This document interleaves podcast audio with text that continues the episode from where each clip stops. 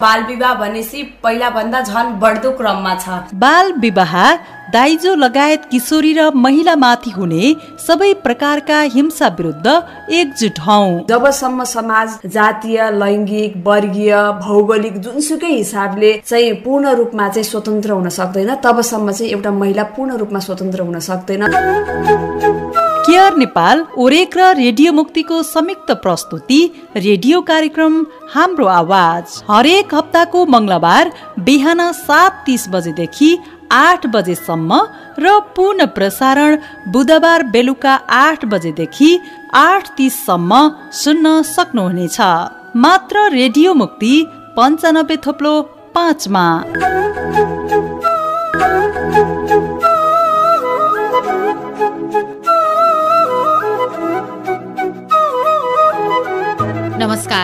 Radio कार्यक्रम हाम्रो आवाजमा तपाईँलाई स्वागत छ। कार्यक्रमसँगै छौँ प्राविधिक साथी मनिषा बस्याल अनि म हुँ कार्यक्रम प्रस्तुता अस्मिना पाण्डे। कार्यक्रम हाम्रो आवाज तपाईँले प्रत्येक हप्ताको मङ्गलबार बिहान सात तिस बजेदेखि करिब करिब आठ बजेसम्म र पुनर्प्रसारण बुधबार साँझ आठ बजेदेखि आठ तिस बजेसम्म सुन्न सक्नुहुन्छ। यो कार्यक्रम रेडियो मुक्तिको website W dot radio Mukti dot ORG र मोबाइल एप्लिकेसनको हाम्रो पात्रोमा रेडियो मुक्ति बिटुवल सर्च गरेर पनि संसारभरिकै साथ सुन्न सकिन्छ। कार्यक्रम हाम्रो आवाज केयर नेपाल ओरेक र रेडियो मुक्तिको संयुक्त प्रस्तुति हो। कार्यक्रमको आज हामीले दोस्रो अङ्क लिएर आएका छौँ। कार्यक्रममा हामीले बाल विवाह लैङ्गिक हिंसा न्यूनीकरण समाजमा रहेका हानिकारक मूल्य मान्यता महिला अधिकार महिला तथा किशोरीमाथि हुने गरेका हिंसा सेवा प्रदायक संस्थाको भूमिका र कानूनी प्रावधानका विषयमा छलफल गर्नेछौ। कार्यक्रम सम्बन्धी जानकारीसँगै अब लागौं आजको कार्यक्रमको विषयवस्तुतर्फ। आजको कार्यक्रममा हामीले समुदायमा देखिएको दाइजो प्रथाको विषयमा छलफल गर्दैछौँ। दाइजो लिनु र दिनु दुवै अपराध मानिए तापनि दाइजो प्रथा अझै पनि हट्न सकेको छैन। दाइजो कम भएकै कारणले कतिपय किशोरी र महिलाहरूले अनाहकमा ज्यान गुमाउनु परेको छ। भने कतिपय त्यस्ता नागरिकहरूले आफ्नो अधिकारबाट हनन भएर न्याय नपाएको अवस्था छ। आजको बसाइमा हामीले किशोरी अधिकार मञ्च गठन गरेर समाजमा दाइजो प्रथाको विरुद्धमा लागि दाइजो लिनु र दिनु दुवै अपराध हो भन्ने अभियानमा लाग्नुभएका किशोरीहरूको अभियानलाई समावेश गर्दैछौ। कार्यक्रम हाम्रो आवाजमा हामीले सुदोधन गाउँपालिका कपिल वस्तुका किशोरी अधिकार मञ्चका अध्यक्ष रोशमती मल्ल त्यस्तै गरी कपिलवस्तु नगरपालिका वडा नम्बर तिनका अन्जु चौहानसँग तिनी क्षेत्रहरूमा दाइजो प्रथाको अवस्था कस्तो छ र किशोरी अधिकार मञ्चमा रहेका किशोरीहरूले यो अभियानलाई कसरी हेरिरहनु भएको छ र कस्ता अभियान अगाडि बढाउनु भएको छ भनेर कुराकानी गरेका छौँ। आउनुहोस् सुनौ उहाँहरूसँग गरिएको कुराकानी अबको क्रममा। नमस्ते। नमस्ते। हजुरको परिचय? म शेषमती मल्ला सुदोधन गाउँपालिका वार्ड नम्बर एक घर चाहिँ सूर्यबलिया। म सुदोधन गाउँपालिका स्तरीय किशोरी अधिकार मञ्चको अध्यक्ष। अब आज चाहिँ हामीले कार्यक्रम हाम्रो आवाजमा हाम्रो यहाँ रहिरहनु भएको सुदोधन क्षेत्रमा चाहिँ दाइजो प्रथाको अवस्था कस्तो छ भनेर कुराकानी गर्न गइरहेका छौँ। अब रूपन्देही क्षेत्रमा हेर्ने हो भने मर्चवारी क्षेत्र सुदोधन क्षेत्रमा चाहिँ अझै पनि दाइजो प्रथा चाहिँ कायम नै छ होइन? अहिले तपाईँको गाउँठाउँमा चाहिँ दाइजो प्रथाको अवस्था कस्तो छ? यहाँले के बुझ्नुहुन्छ। हाम्रो शुद्धोधनमा मात्रै नभएर मेरो क्षेत्रमा कपिल वस्तुमा भन्न चाहन्छु। यो दाइजो प्रथा विकरल रूप लिएको छ। यो दाइजो प्रथाले गर्दा हाम्रो समाजमा चेलीबेटीले अभिभावकले भोग्नु भोग्नु भएको जस्तो समस्याहरू कम उमेरमा विवाह गरिदिन् गरिदिने अनि त्यसपछि घरमा ससुरालमा गएपछि कम दाइजोले गर्दा किशोरीलाई जलाइदिने मारिदिने अनि फाँसी पनि लगाइदिने समस्याहरू देखेका छन्। अनि किशोरीहरूले पढ्न पाउने उमेरमा स्कुलबाट वञ्चित हुने अनि त्यसपछि त्यसको लक्ष्य त्यसको भविष्यको प्रति पनि मतलब प्रतिबन्ध लगाएको छ नि हाम्रो त्यो दाइजो प्रथा जुन छ यो एकदम विकरल रूप लिएको छ। अब हेर्ने हो भने समुदायमा कम दाइजो दियो भने अब त्यसपछि त्यसपछि पनि घरमा गएर किशोरीलाई दबाव दिने अरू अरू दाइजो मागेर ल्या भनेर भन्ने अनि त्यसपछि घरबाट बाहिर निस्कन नदिने त्यसको जे मन गर्छ त्यो गर्न पनि नपाउने यस्तो यस्तो समस्याहरू हाम्रो समुदायमा मैले देखेको बुझेको समस्याहरू यस्तै यस्तै हुन्। अरू पनि समस्याहरू छन् जस्तो कि महिलाहरूले घरमै मात्रै बस्न पाउने। अब कुनै कुनै किशोरी अथवा महिला पढेको छ भने उसले यदि जबको लागि अफर गर्यो भने कि म जब गर्छु म घरबाट बाहिर निस्कन्छु त्यस्तो खण्डमा पनि घरबाट बाहिर जान नदिने घरमै बस भनेर दबाव छोड्ने यस्तो यस्तो समस्याहरू देखेका भोगेका छन्। हजुर। कति हुनुहुन्छ अहिले चाहिँ त्यहाँ शुद्धोधनमा तपाईँहरूको सञ्जालमा चाहिँ किशोरीहरू? मेरो शुद्धोधनमा वडा स्तरीय लिएरदेखि अब पालिकाको मात्रै हामी हाम्रो सुदूरमा छवटा वडा छ। अब छवटा वडामै एक वडामा पच्चिसजना किशोरी गरेर पालिकामा पन्ध्रजना ऊ एक एक वडाबाट मिलाएर अब एक वडा स्तरीय सञ्जाल र वडा स्तरीय सञ्जाल चाहिँ गठन गर्नु गठन भइसकेको छ। के के काम गर्नुहुन्छ त तपाईँहरूले आफ्नो पालिकाहरूमा वडाहरूमा? अनि फेरि त्यो पालिका स्तरीय सञ्जाल पनि छ त्यसको पनि मिटिङहरू बस्नुहुन्छ होला होइन? अब आफ्नो वडा स्तरीय मिटिङहरू पनि हुन्छ होला। कसरी सञ्चालन गर्नुहुन्छ? कस्ता कस्ता विषयमा छलफल गर्नुहुन्छ? हामी चाहिँ वडा स्तरीयमा पनि र पालिका स्तरीयमा पनि मन्थली मिटिङ बसेर अब किशोरीहरूलाई एकजुट गराएर अब त्यहाँ समुदायमा देखेका भोगेका समस्याहरू जस्तै अब बाल विवाह कसरी हामी न्यूनीकरण गर्न सकिन्छ त्यसका लागि कस्तो कस्तो कार्यक्रमहरू ल्याउन सकिन्छ हामी के के हामी किशोरी मात्रै के के गर्न सक्छौँ र्याली गरेर हो कि हामी नाटक हामी हामी किशोरीहरू मात्रै पच्चिसजना छ अथवा तिसजना मिलेर नाटक गर्ने हो गर्ने हो कि त्यसपछि दाइजोको लिने हो भने त्यो पण्डित मौलानाहरूलाई र अभिभावकलाई अनि सोखा गुनियाहरूलाई यिनीहरूलाई त्यो र किशोरीहरू बिच अन्तर्क्रिया गराउने हो कि कसरी हुन्छ यो यो समस्याहरू कसरी न्यूनीकरण गर्न सकिन्छ भन्ने कुरामा हामी छलफल गर्छौँ। र किशोरीहरूको समस्या जस्तै अब बलात्कार भयो अनि किशोरीहरू हिंसामा परेको बलात्कार भयो शिक्षाबाट वञ्चित भएको अनि घरबाट बाहिर अब यस्तो किशोरीहरू पनि छन् जुन घरबाट पनि आउनलाई प्रतिबन्ध लगाइएको छ नि त। हामी मात्र त हामी मात्र पो बाहिर घरबाट बाहिर निस्कन पाएको छौँ। हाम हामी जस्तै किशोरीहरू घरमै बसेका छन् स्कुल पनि गएको छैनन् तिनीहरूलाई कसरी हामी विद्यालयमा भर्ना गराउन सक्छौँ कस्तो कस्तो सहयोग गर्न सक्छौँ कुन कुन संस्थामा गएर हामी सहयोग माग्न सक्छौँ भन्ने कुराहरूमा छलफल गर्ने गर्छौँ।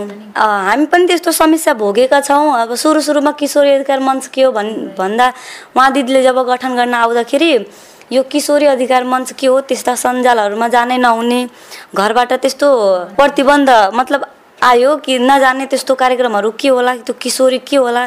किशोरीहरू मात्रै के गर्छन् भन्ने कुराहरू आथ्यो अनि त्यसपछि हामी किशोरीहरूको जब गठन भइसक्यो अनि त्यो मन्थली मिटिङहरूमा जिल्ला स्तरीय मिटिङहरूमा जब हामी एक दुईपटक गयौँ त्यसपछि बुझ्यौँ ए यस्तो पो हो। अनि घरमा आएर पनि छलफल गऱ्यौँ। अभिभावकहरूलाई बुझायौँ र आफ्नो समुदायको किशोरीहरू पनि मतलब छलफल गर्ने क्रममा अब आफ्नो कुराहरू भन्ने तिनीहरूको सल्लाह पनि लिने र त्यो जुन तिनीहरूको समस्याहरू हुन्छ त्यो हामी जिल्लामा गएर मन्थली मिटिङमा गएर छलफल गर्ने पालिकामा गर्ने त्यो समस्याहरूलाई कसरी समाधान गर्ने भन्ने कुराहरूमा छलफल गर्छौँ। र किशोरीहरूको अब जस्तै हामी रेली त आफै गर्न मतलब सक्दैनौँ नि। हामीलाई मतलब नास्ता खाजा अरू यातायात खर्चको जरुरी पर्छ के अरे। अनि पालिकामा गएर बजेटको कुराहरू पनि हामी गर्ने गर्छौँ र त्यसको पनि सल्लाह एक्लै त गर्दैनौँ सल्लाह गरेर मिटिङमै सल्लाह गरेर अनि त्यसपछि हामी अनि जस्तो अब दाइजो प्रथाकै कुरा गर्दाखेरि हामी आज दाइजो प्रथालाई फोकस गरिरहेको छौँ। अब तपाईँहरूकोमा चाहिँ अब एउटा किशोरी अब बिस वर्ष पुगेपछि विवाह गर्न योग्य भइसकेपछि चाहिँ दाइजोकै लागि भनेर माग गर्ने अथवा दाइजो नपाएकै कारणले हिंसामा परेर फर्किएर आएको अथवा हिंसामा दाइजो कम ल्याएको भनेर चाहिँ त्यसरी तपाईँहरूको किशोरी सञ्जाल मार्फत केही न्यायको लागि आएको त्यस्तो उदाहरणहरू छ? हाम्रो जुन बिस वर्ष पछि हजुरले भन्नुभयो कि बिस वर्ष पारे जुन विवाह हुन्छ अनि त्यस्तो पनि सम्बन्ध विच्छेद हुन्छ। त्यसमा पनि अब दाइजो पढेको नपढेको दु मतलब दुवैको दाइजो पर्छ दुवैको घरबाट माग्ने माग्ने हाम्रो समाजमा त्यस्तो रूप त्यस्तो विकराल रूप जुन यो दाइजो प्रथाले लिएको छ त्यही कारण हो मेन जरो दाइजो प्रथा नै हो। जुन दाइजो मतलब मै म आफ्नै उदाहरण दिएँ मतलब म बिस वर्षको भयो मेरो मेरो विवाह नि भयो।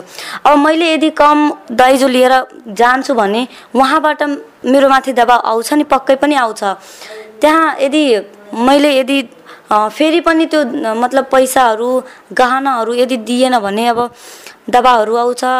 पति र मतलब पति र श्रीमती र श्रीमान बिच असमझदारी पनि हुनसक्छ कि त परिवारबाट धेरै दबाब समाजबाट पनि आउँछ नि कि मतलब यसको बुहारीले दाइजो लिएर आएन यो सामान लिएर आएन। त्यस्तो चाहिँ समाजमा कुराकानी काट्ने कुराकानी काट्ने कुराकानी जब काट्छन् अब छिमेकीहरूले पक्कै पनि घरबाट दबाब आउँछ के अरे।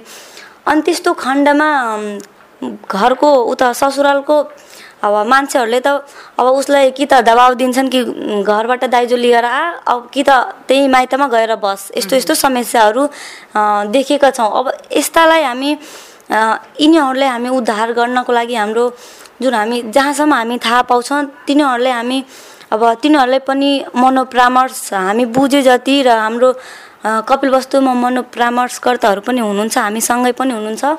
उहाँहरूलाई हामी उहाँहरूलाई लिएर आउँछौँ अनि उहाँहरूको समस्याहरू बुझेर अलि उहाँहरूलाई फिडब्याक दिएर उहाँहरूले सम्झाउँछौँ र तिनीहरूलाई तिनीहरू त्यो किशोरीलाई लिएर तिनको ससुरालमा गएर तिनीहरूलाई पनि अब सम्झाउने बुझाउने कि दाइजो प्रथा एकदम कानुनी अपराध हो यस्तो गर्नु हुँदैन भन्ने कुराहरू पनि हामी छलफल गरिरहेको हुन्छौँ र गर्छौँ पनि। अब म फेरि किशोरी जस्तो अभियानमै हिँड्नुभएको हुनुहुन्छ। उहाँ बहिनीसँग पनि कुराकानी गर्दैछु। नमस्ते। नमस्ते। हजुरको नाम? मेरो नाम चाहिँ अन्जु चौहान हो। म कबनपा तिन कपिल वस्तु आठबाट आएको अब कपिल वस्तु क्षेत्रमा चाहिँ दाइजो प्रथाको अवस्था कस्तो छ तपाईँ बस्ने समुदायमा चाहिँ? मेरो म आफ्नै त्यो कपिल वस्तु र आफ्नो पालिका वडाको भनिरहेको छु। उता हाम्रोतिर पनि यो दाइजो प्रथा धेरै नै विकराल रूपमा चलिरहेछ। किनभने उतातिर पनि यदि किशोरी केटी पक्षले कुनै पनि केटा भन्नाले यदि केटी पढेको छ भने पनि त्यसले धेरै पढेको छ। धेरै पढेको छ अनि त्यसले राम्रो केटा पढे लेखेको केटासँग यदि बिहे गर्न खोजिरहेछ भने धे जति पढेछ त्योभन्दा धेरै नै उसलाई दाइजो दिन परिरहेछ। त्यही भएर हाम्रो समाजमा पनि यो दाइजो प्रथाले गर्दा हामी जस्तो किशोरीहरूलाई धेरै पढाउ पढाइ पढाइरहेको छैनन्। पढाइ छोडाएर बस घरमा बसालेर बिहे गरिदिन्छन् सानै एजमा गरिदिन्छन्। किनभने धेरै पढाइयो भने दाइजो दिन धेरै दाइजो दिन पर्छ धेरै खर्च लाग्छ भनेर त्यो खर्च लाग्नुभन्दा त्यो खर्च लाग्नुभन्दा जुन पैसा हामी दाइ जुन पैसामा त्यो किशोरीलाई पढाउँछौँ त्यही पैसामा हामी दाइजो दिएर त्यसको बिहे गरेर हामी पठाइदिन्छौँ भनेर धेरै यस्तो कुराहरू चले चलिरहेछ र दाइजो प्रथाले गर्दा हाम्रो समाजमा सानै सानै उमेरमा पनि बिहे गरिरहेछन्। सा सानै उमेरमा बिहे गरिदिन्छन् र धेरै जसो किशोरीहरूको सानै एजमा बच्चा पाए पाएर स्वास्थ्यमा असर परिरहेको छ घर त्यो त्यो केटालाई नबुझेर पनि धेरै जसो सम्बन्ध पनि विच्छेदन भइरहेछ आफ्नै घरमा आएर बस्न परिरहेछ र यदि दाइजो धेरै दिएन भने नदिए पनि त्यो गयो भने आफ्नो ससुरामा गयो भने त्यहाँ स आफ्नो उसको ससुराको घरको सबैजना जतिजना हुन्छन् सबैजना त्यही किशोरीलाई नै दबाब दिन्छन्। तेरो घरकाले यस्ता छन् पैसा दिएनन् दाइजो दिएनन् अब त हाम्रो लागि काम त्यसको कुनै भ्यालु नै राख्दैनन्। जहिले पनि त्यसलाई हेप्छन् टर्चर गर्छन् अनि त्यो घरको छोराको आमा बुवा नभए पनि छोराले पनि आफ्नो आमा बुवाको कुरालाई सु सुनेर केटीलाई चाहिँ हेपेको हुन्छ। त्यसले देखेछ अब अभिभावकहरूले चाहिँ यो दाइजो प्रथाको लागि अब आफ्नो यो परम्परा र संस्कारलाई उहाँहरूले समेटेर छोरीलाई चाहिँ दाइजो दिनै पर्छ मैले दाइजो दिएँ भने मेरो छोरीले सुख पाउँछ होइन? उसको चाहिँ घरबार राम्रो हुन्छ। ज्वाइँले माया गर्नुहुन्छ भन्ने खालको आमा बुवाहरूको चिन्तन हुन्छ नि। अब अभिभावकहरूले चाहिँ यो चिन्तनलाई कसरी फेर्न पर्छ अभिभावकहरूको भूमिका के हुन्छ? तपाईँहरूले चाहिँ आफ्नो आमा बुबाहरूलाई अथवा आफ्नो रिलेटिभ्सहरूमा चाहिँ कोही छोरीहरूको विवाह हुँदैछ अब दाइजो दिनु हुँदैन हामीले पढाइसकेपछि जागिर गर्ने हो भन्ने खालको त्यस्तो खालको कुराहरू चाहिँ कतिको सम्झाउने गर्नुहुन्छ? हामी यस्तो छ हाम्रो समाजमा कुनै पनि गाउँमा यदि बिहे बाल विवाह भइरहेछ भने दाइजो दिएर बिहे भइरहेछ भने मैले आफ्नै गाउँको कुरा भनिरहेको छु। हाम्रो गाउँमा दाइजो प्रथा त्यो दाइजो प्रथा र बाल विवाह तिनजना किशोरीको भइरहेको थियो। तर हामीले सबैजना किशोरीहरू मिलेर त्यो गएर किशोरीको बिहे रोकेको। सानै एजमा पनि अनि दाइजो पनि दिइराखे थिएँ दिइरहेको थिएँ। तर फेरि हामीले त्यो किशोरी उसमा किशोरी समूहमा बसेर काम गर्दा गर्दा हामीलाई यो दाइजो भनेको यस्तो रहेछ। पछि दाइजो दिँदा सानै एजमा बिहे गर्दा हामीलाई यस्तो यस्तो असर पर्छ भनेर हामी सबैजना किशोरीहरू गएर उहाँको आमा बुवालाई भनेर सबै कुरा सम्झाएर रोके पनि थियौँ। तिनजना किशोरीको बालविवाह रोकेर अझ अब तिनीहरू चाहिँ पढिरहेछन्। र अहिले चाहिँ हाम्रै गाउँ समाजमा छन्।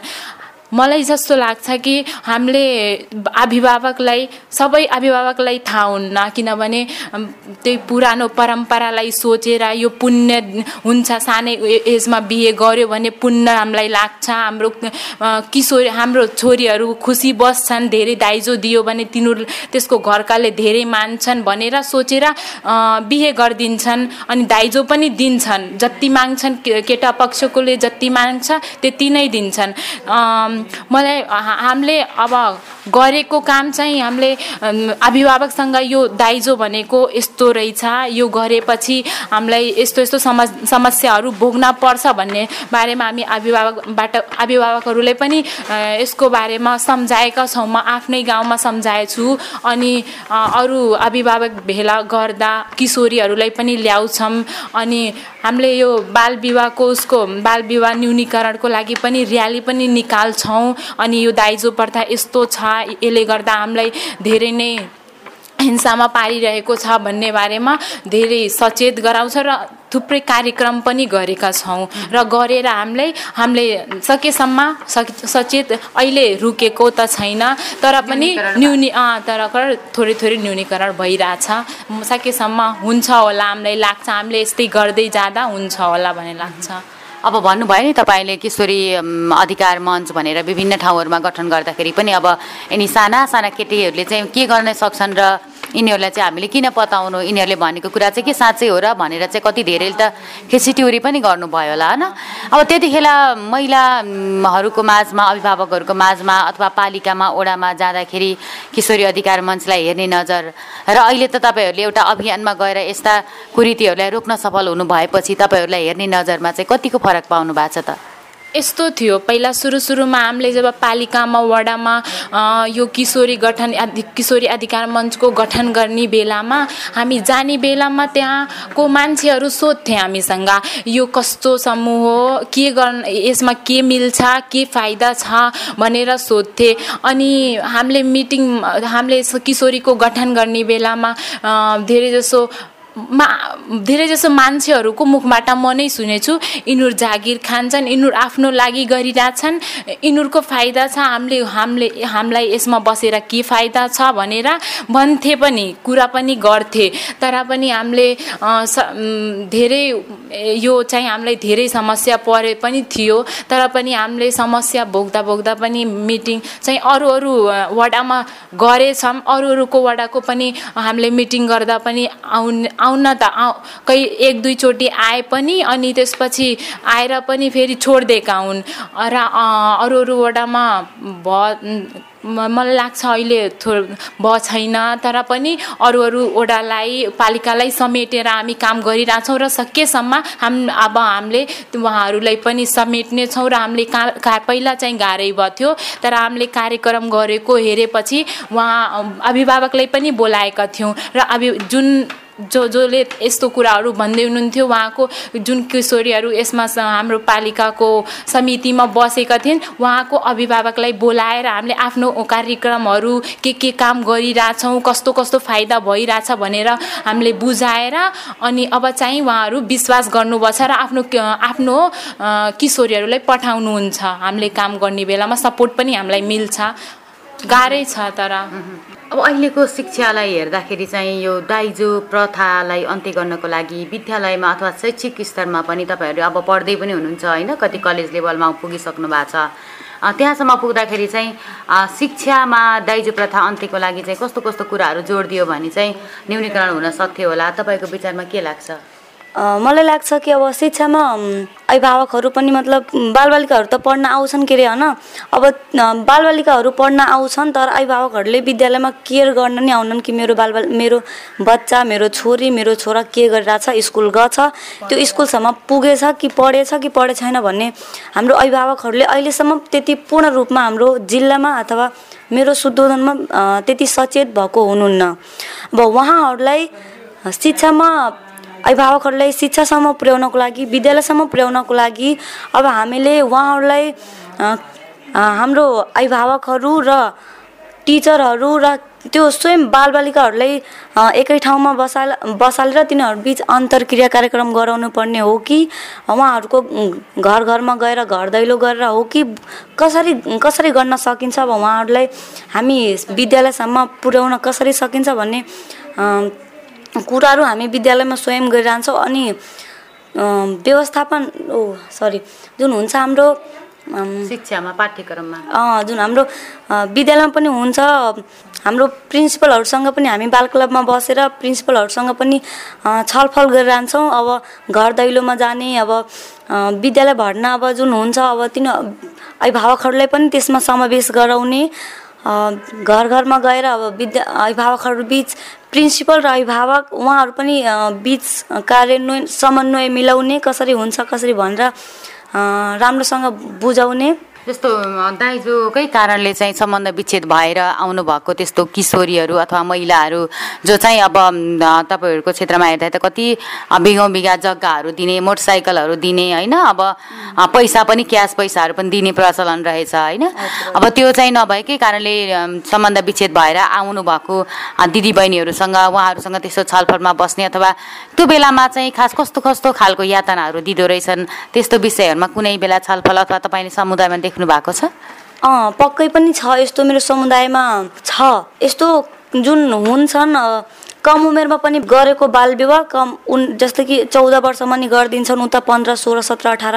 अब यस्तो यस्तो किशोरीहरू गएर अब उहाँ काम अब असमझदारी हुनसक्छ अब जस्तै अब पढ्ने उमेरमा कलिलो उमेरमा विवाह गरिदिएर अब तिनीहरूलाई पठाइदिएर पठाइदिएर अब तिनीहरूको भविष्य तिनीहरूको लक्ष्य अब बिग्रिने भयो नि त। अब तिनीहरूले त्यो आफ्नो सोच्ने त्यति धेरै सोच्ने क्षमता नै हुँदैन कि म कसरी यो काम गरौँ कसरी घरमा ससु ससुरोसँग कसरी बोलौँ भन्ने ति त्यसलाई त्यति ज्ञान पनि हुन हुँदैन। अब त्यस्तो कारणले पनि तिनीहरू बिच असमझदारी झगडा हुन्छ। तिनीहरूले अब त्यस्तो अब सम्बन्ध विच्छेद भएर आएका महिला अथवा किशोरी जुन आएका हुन्छन् अब तिनीहरूको पीडा भन्ने धेरै छ। कसैले अब विवाह भए भएर गरे गएको अब त्यसको अब जस्तै अब मानम आफ्नो त्यो जुन हुन्छ किशोरीको दुलहा अब त्यसले आफ्नो भाउजूसँग नि फसेको हुन्छ त्यस्तो पनि देखेछौँ। अनि सम त्यो छिमेकीमा भएको अब भाउजू अब तिनीहरूसँग हाम्रो समुदायमा धेरै उस छ। फसेको जुन भन्छन् हाम्रो अनैतिक सम्बन्ध जुन हुन्छ त्यस्तो त्यस्तो कारणले पनि सम्बन्ध विच्छेद हुने गरेछ। अब त्यस्तो कारणले अब तिनीहरूले अब न्याय नपाएर हाम्रो किशोरी अधिकार मञ्चमा आउँछन् अनि हामी तिनीहरूले अब धेरै समस्याहरू भोगेर आइसकेका हुन्छन् नि त। अब तिनीहरूको कुरा सुन्दा सुन्दै हामी कसरी समाधान गर्न सकिन्छ त? हाम्रो उता कपिल वस्तुमा माउरी होम भन्ने संस्था पनि छ। हामी त्यसमा पनि उहाँहरूलाई सजेसन दिन्छौँ कि सकेसम्म हामी तपाईँको सहयोग गर्छौँ। अब तपाईँ त्यहाँ जानु र त्यहाँबाट के हुन्छ हामी पनि सँगै जान्छौँ। त्यहाँ उहाँहरूले तपाईँको समस्या बुझी तपाईँको समा समस्यालाई समाधान गर्न पक्कै पनि उहाँहरूले एकदम धेरै सहयोग गर्नुहुन्छ र यो तपाईँको समस्या समाधान हुन्छ नै हुन्छ। भन्ने यस्तो हामी उहाँहरूलाई सम्झाउने बुझाउने गर्छौँ र उहाँको मनोभावनालाई बुझी उहाँलाई कदर गर्ने उहाँहरूलाई अलि प्रोत्साहन गर्ने र यस्तो कार्यक्रमहरू पनि उहाँहरूलाई हामी दिइराखेका नै छौँ। आफूसँगै लैजाने कहीँ कहीँ आफूले ट्रेनिङमा ट्रेनिङमा तालिममा सिकेर आएको कुराहरू सेयर गर्ने राम्रो राम्रो कुराहरू सिकाउने अनि जुन हुन्छ कपडाको कपडाहरूको प्याड बनाउनु जुन हामी सिकेर आउँछौँ नि त उहाँहरूलाई पनि गाउँमा यस्तो कपडा फोहोर कपडा युज नगरी हामी यस्तो कपडा कप त्यो बजारको सेनेटरी प्याड युज नगरी हामी घरमै बनाएको सुती कपडाको प्याड हामी युज गर्न सक्छौँ भन्ने यस्तो यस्तो हामी उहाँहरूलाई सल्लाह सजेसनहरू दिने गर्छौँ। अब किशोरीहरूले चाहिँ अब आफ्नो विवाहको प्रस्ताव आयो अथवा विवाह गर्ने बेलामा चाहिँ आफू पढे लेखेर पनि दाइजो सहित नै बिहे गर्न थाल्नु भएको छ। मानौ तपाईँको नै भोलि बिहान त्यस्तै गरी बिहे भयो भने पनि किशोरीहरूले दाइजो प्रथालाई कसरी प्रतिकार गर्नुपर्छ? तपाईँको आफ्नो र अरू साथीहरूलाई पनि सुझाव चाहिँ के छ? मलाई लाग्छ कि मेरो स्वयं यदि बाल विवाह आउने जुन घरबाट आउँछ कि अब मेरो छोरी ठुलो भइसके भइसकेछिन् अब यिनको विवाह गरिदिनु गरिदिनु पर्यो। द अब दहेज त पक्कै पनि दिनु दिनु नै पर्छ। अब त्यस्तो खण्डमा हाम्रो किशोरी अधिकार मञ्च छ हाम्रो वडादेखि लिएर हाम्रो प्रदेशसम्म नै गठन भइसकेको छ। यदि म म आफू सोच्दिनँ कि म एक्लै छु हामीसँग मसँग धेरै हाम्रो दिदीहरू साथीहरू हाम्रो किशोरी अधिकार मञ्चका धेरै साथीहरू छन् नि त म उहाँहरूलाई हाम्रो संस्थाहरू पनि छन् विभिन्न संस्थाहरू बालबालिकाको क्षेत्रमा काम गर्ने अनि यो बाल विवाह बाल विवाहको क्षेत्रमा काम गर्ने धेरै संस्थाहरू छ। म आफ्नो सहयोगको लागि म पनि प्रतिकार गर्न सक्छु कि म अहिले गर्दिनँ? मेरो पढ्ने उमेर हो म आफ्नो भविष्यलाई जबसम्म म आफ्नो खुट्टामा उभिदिनँ जबसम्म म कुनै कुनै न कुनै जब जब गर्दिनँ तबसम्म म विवाह गर्दिनँ। यदि एकदमै प्रेसर आयो भने एकदमै दबाब आइहाल्यो भने त्यस्तो खण्डमा मात्रै हामी सय नम्बरमा प्रहरीहरूलाई खबर गर्न सक्छौँ। अनि त्यसपछि आफ्नो वडामा भएका वडाध्यक्षहरूलाई अनि अनि हाम्रो जुन पालिका अध्यक्षहरूलाई अनि उपाध्यक्षहरूलाई उपमेयर हाम्रो पक्कै पनि मतलब महिला भएर महिला किशोरीको बालबालिकाको कुरा बुझ्नुहुन्छ समस्या बुझेर उहाँहरूले पनि आउनुहुन्छ हामीलाई फिडब्याक दिन र हाम्रो अभिभावकहरूले पनि पक्कै पनि सम्झाउनुहुन्छ र हाम्रो जुन हामीभन्दा जुन माथिल्लो पदमा बस्नुभएका हाम्रो जिल्ला लेभलका र प्रदेश लेभलका दिदीहरू उहाँहरू पनि आउनुहुन्छ र उहाँहरूले सम्झाउनुहुन्छ। त्यस्तो खण्डमा यदि उहाँहरूले यदि राम्रोसँग सम्झाउनु भयो भने हाम्रो अभिभावकहरू पक्कै पनि मान्नुहुन्छ र पढाइप्रति फेरि उहाँहरूको जागरुक हुन्छ कि किशोरीलाई विवाह गर्नुभन्दा शिक्षा दिन दिनु राम्रो हो भनेर उहाँहरू पनि मान्नुहुन्छ। दाइजो दिनुभन्दा शिक्षा दिएर नै आत्मनिर्भर बनाउनु पर्छ भनेर चाहिँ प्रतिकार गर्नुहुन्छ। हस् त्यहाँलाई धेरै धेरै धन्यवाद। Thank you. अनि जस्तो तपाईँले पनि आफूले चाहिँ दाहिजो सहित विवाह हुँदैछ देहज दिएर नै तपाईँको समुदायमा विवाह हुँदैछ अथवा तपाईँको परिवारमै पनि बिहे हुँदैछ भने कसरी प्रतिकार गर्नुहुन्छ? मेरो समुदायमा यदि कुनै पनि केटीको बिहे भइरहेछ दाइजो लिएर र त्यसको पढ्ने मन छ भने म सकेसम्म त म पहिला आफै गएर उहाँको बुवाहरूलाई पहिला त बुवा आमालाई सम्झाउँछु। भएन भने म आफ्नो समुदायमा भएको जुन हाम्रो किशोरी अधिकार मञ्च चलिरहेछ।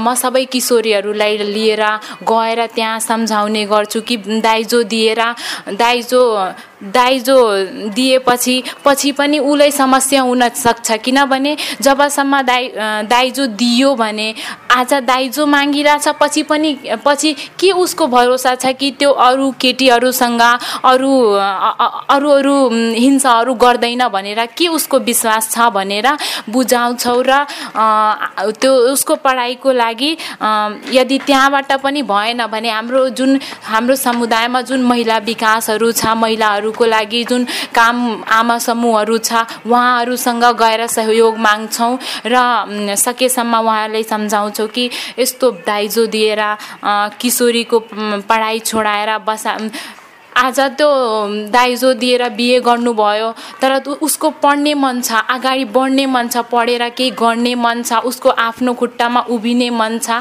त्यसको त्यो सबै आत्महिंसा आत्मरक्षाहरू आत्मबललाई चाहिँ रोकेर बिहे गरिदिनु भयो भने त्यो त्यो आफ्नो मानसिकताले पछि उसले बिहे गरेपछि के भरोसा छ कि त्योसँग बस्छ भनेर त्यो आफू आत्महत्या पनि गर्न सक्छ भनेर अनि थरी थरीका कुराहरू पनि सोचे आफूलाई कमजोर ठान्छे भनेर हामी यो सबै कुराहरूलाई उहाँको आमालाई बुवालाई र समाजमा भएको अभिभावकहरूलाई सम्झाउने गर् सम्झाउँछौँ र सकेसम्म हामी रोक्ने कोसिस गर्छौँ। हस् धेरै धन्यवाद दुवैजनालाई। धन्यवाद। पक्कै पनि रूपन्देही कपिलवस्तु लगायत तराईका क्षेत्रमा दाइजो प्रथा अझै पनि कायम रहेको देखिन्छ। दाइजो प्रथा न्यूनीकरण गर्नका लागि वा दाइजो प्रथा अन्त्य गर्नका लागि अभिभावक समाजका मूल्य मान्यता र अहिलेको शैक्षिक स्तरलाई पनि अगाडि बढाउनु पर्ने र सबै सामाजिक संस्था सरकार रहेका कानुनी अधिकारहरूलाई कार्यान्वयन तहसम्म लैजानुपर्ने आजका किशोरीहरूले आजका किशोरीहरूले बताउनु भएको छ। किशोरीहरूले भने जस्तै दाइजो प्रथा सँगसँगै समाजमा रहेका हानिकारक मूल्य मान्यताहरूलाई हटाउन जरुरी छ। योतर्फ तपाईँ हामी सबै सचेत र सजग रहन आवश्यक छ। दाइजो प्रथा अन्त्यका लागि तपाईँ हामी सबै एकजुट बनाऊ यो कार्यक्रम हामीले केयर नेपाल र ओरेकको सहकार्यमा तयार पारेका हौ। यिनै विषयवस्तुसँगै आजका लागि कार्यक्रम हाम्रो आवाजलाई छुट्याइएको समय अवधि सकिएको छ। कार्यक्रम हाम्रो आवाज तपाईँलाई कस्तो लागेको छ? समाजमा हुने बाल विवाह लगायत सबै प्रकारका हिंसा अन्त्यका लागि हामी तपाईँहरूलाई एकजुट हुनका लागि आग्रह गर्दछौ। तपाईँलाई हाम्रो कार्यक्रम जस्तो लाग्छ त्यस्तै प्रतिक्रिया दिनका लागि रेडियोको टेलिफोन नम्बर शून्य एकहत्तर पाँच एकाउन्न पाँच सय एकमा सोझै सम्पर्क गर्न आग्रह गर्दछौ। तपाईँका सल्लाह सुझाव प्रतिक्रियाबाट कार्यक्रम हाम्रो आवाजलाई हामीले परिमार्जित गर्दै अगाडि बढ्नेछौ। हवस् त आजका लागि रेडियो कार्यक्रम हाम्रो आवाज सुनेर साथ दिनुभएकोमा तपाईँ सम्पूर्णलाई धेरै धेरै धन्यवाद। र धेरै धेरै धन्यवाद प्राविधिक कक्षबाट साथ दिने साथी मनिषा बस्याललाई पनि। अर्को हप्ता हामी अर्को विषयवस्तुका साथमा कार्यक्रम हाम्रो आवाजमा उपस्थित हुने बाचा गर्दै आजको कार्यक्रमबाट म कार्यक्रम प्रस्तुता अस्मिना पाण्डे पनि विदा हुन्छु। तपाईँ रेडियो मुक्ति सुन्दै रहनुहोला। नमस्ते शुभ साता।